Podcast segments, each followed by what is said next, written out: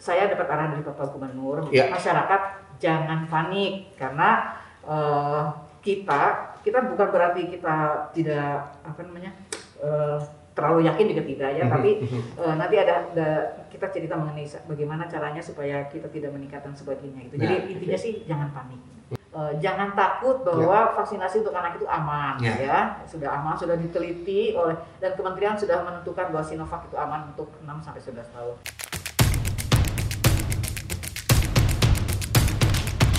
Terima kasih Bu Kadis sudah bisa hadir nih di podcast Juara Jabar Bersuara.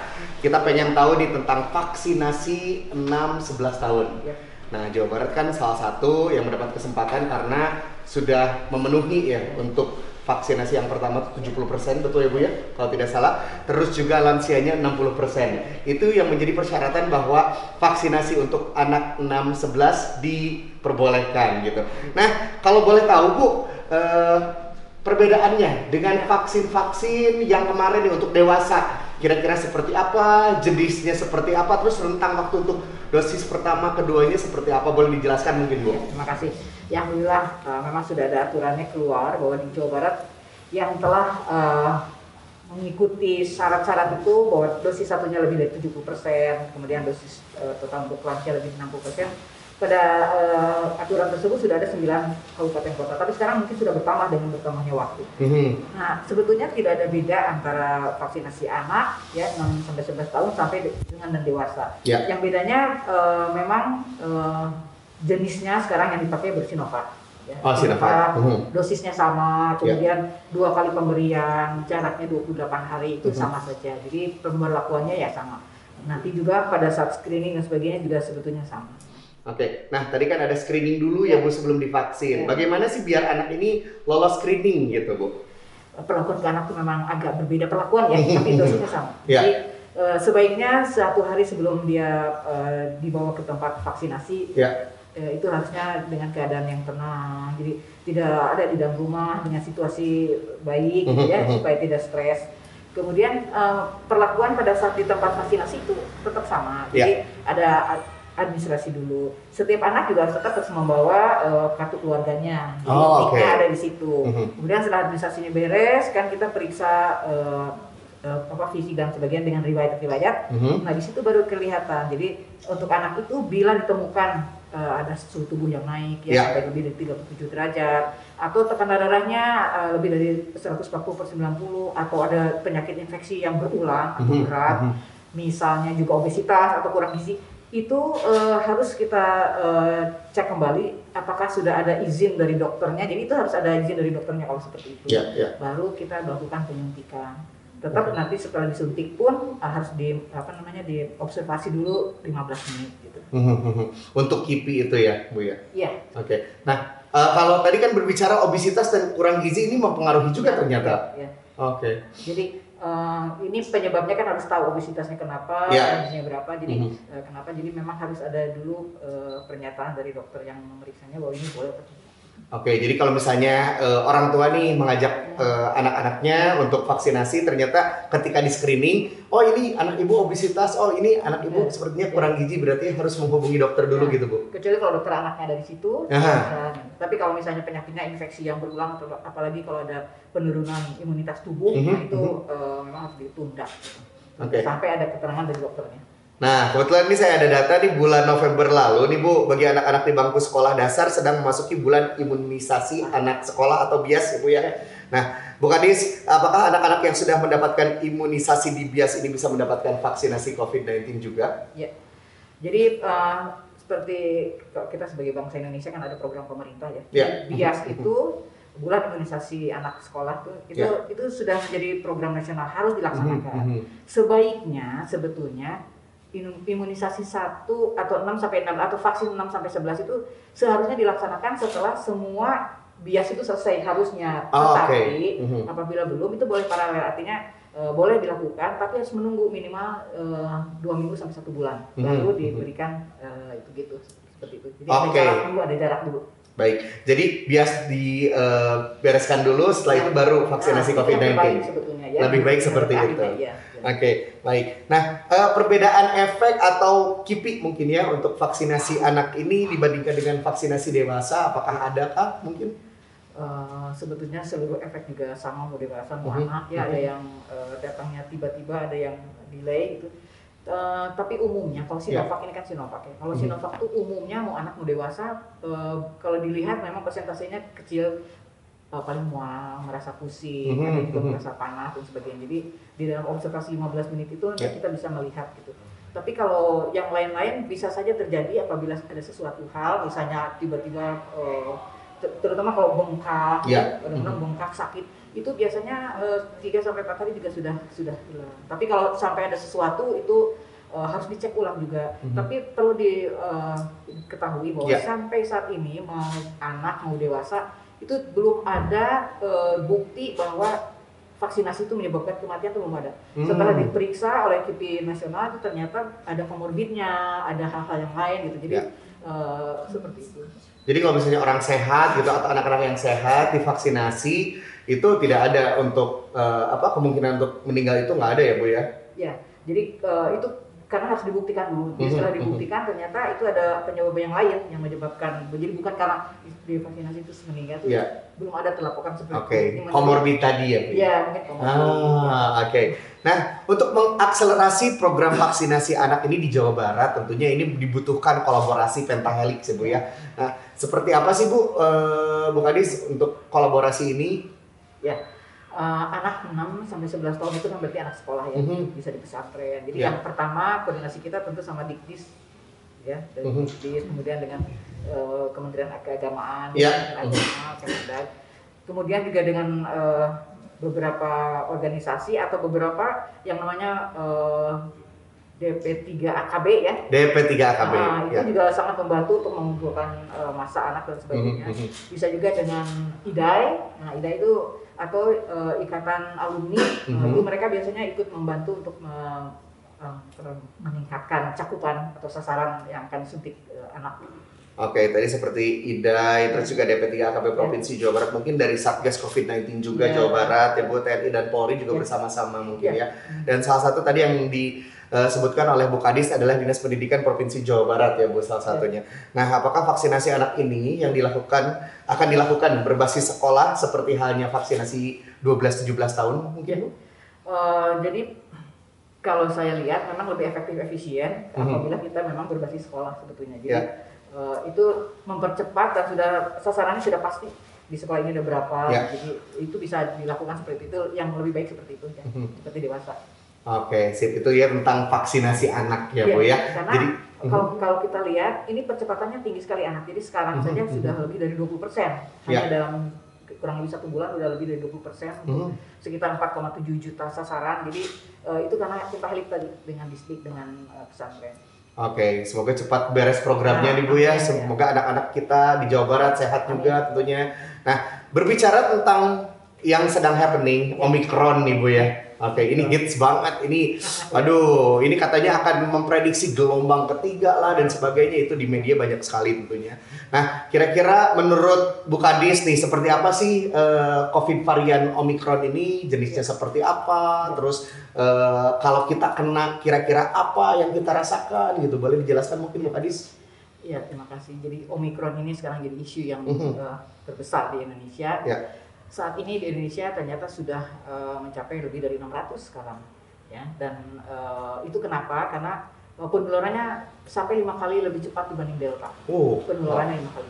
Tetapi gejalanya lebih ringan dari Delta. Mhm. Jadi eh, persentase yang terbanyak adalah seperti flu gitu. Mhm. Hanya 8% yang tidak bisa membau. Jadi eh, lebih berat delta kalau dilihat dari gejala. Tetapi karena percepatan kecepatan penularannya sangat tinggi, jadi tetap kita harus hati-hati. Mhm. Nah di Jawa Barat sendiri sebetulnya sampai saat ini eh, belum berubah data. Jadi eh, kebanyakan sih memang orang atau PPLN, jadi pelaku perjalanan dari luar negeri. ya. Ah, oke.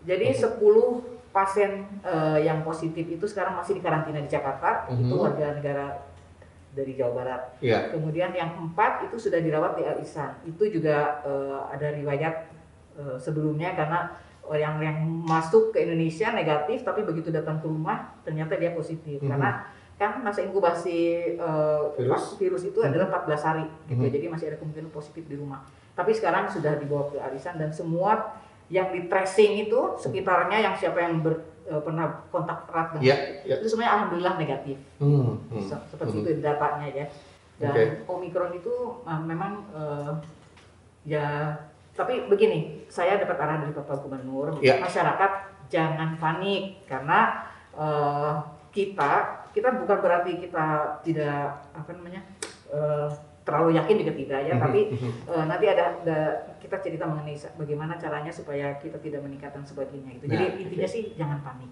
Mhm, Intinya adalah jangan panik Jangan ketika. Oke, nah apakah ada treatment khusus mungkin untuk yang eh, kemarin COVID, yang Delta, dan sekarang eh, untuk yang Omicron gitu bu? Eh, begini, yang namanya COVID itu kan sama, cuma jenisnya berbeda strainnya, yang Mhm. satu delta, yang satu. Ya. Nah, eh, kita di Indonesia kan sudah pernah mengalami gelombang kedua nih. Betul. Juni, Juli, Agustus, September itu sudah tinggi. Pada saat gelombang kedua, kita sudah optimal menyiapkan sarana prasarana SDM dan sebagainya. Mhm. Nah, itu kekuatan itu menjadi bakal kita apabila nanti ada gelombang ketiga. Amit-amit, jangan. Amit-amit jangan Ya, jangan sampai ya bu. Ya. Eh, saya eh, mendengar dari Bapak Menteri Kesehatan Ya. bahwa seandainya kita tidak hati-hati, Mhm. semuanya masih menganggap bahwa ini ah omikron itu tidak ada gitu ya.